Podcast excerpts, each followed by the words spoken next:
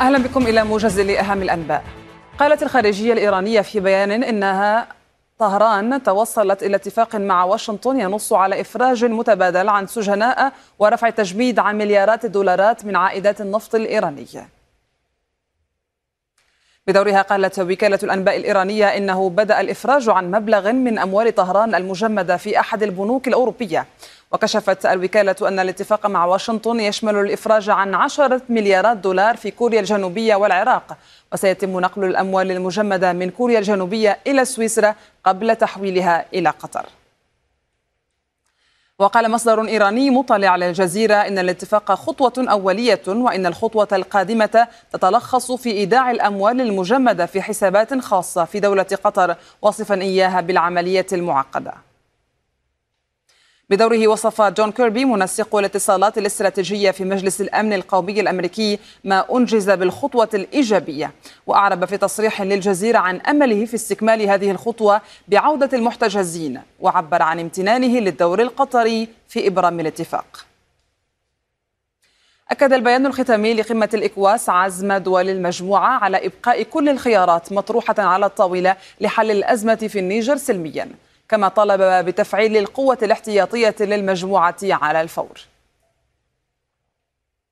وكان ما يطلق على نفسه المجلس الوطني لحماية الوطن في النيجر أعلن تشكيل حكومة جديدة تضم 21 وزيراً.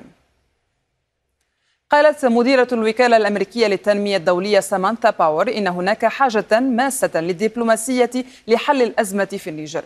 وأضافت في تصريحات للجزيرة أن سيطرة الجيش على السلطة في النيجر تجعل تقديم المساعدات مستحيلا. استشهد شاب فلسطيني برصاص قوات الاحتلال خلال اقتحامها مخيم طول كرم في مدينة طول كرم شمال غرب الضفة الغربية فجر اليوم.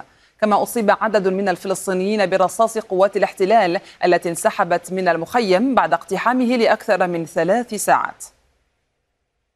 أقر الجيش الأوكراني بصعوبات في الجبهات الشمالية والشرقية وأعلنت الإدارة العسكرية لمنطقة كوبيانسك في مقاطعة خاركيف بدء إجلاء السكان من البلدات والقرى المحيطة بالمدينة والقريبة من جبهات القتال وذلك مع إعلان الجيش الروسي تعزيز مواقعه هناك.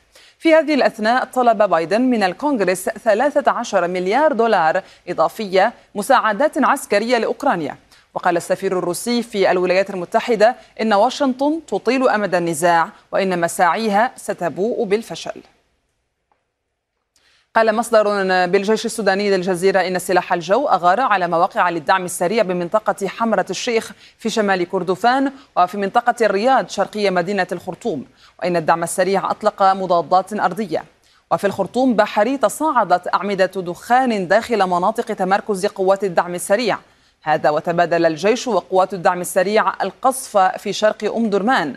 وقد نزحت عشرات الأسر من المنطقة التي تشهد قتالا متواصلا منذ أيام. ختام هذا الموجز شكرا لكم وإلى اللقاء.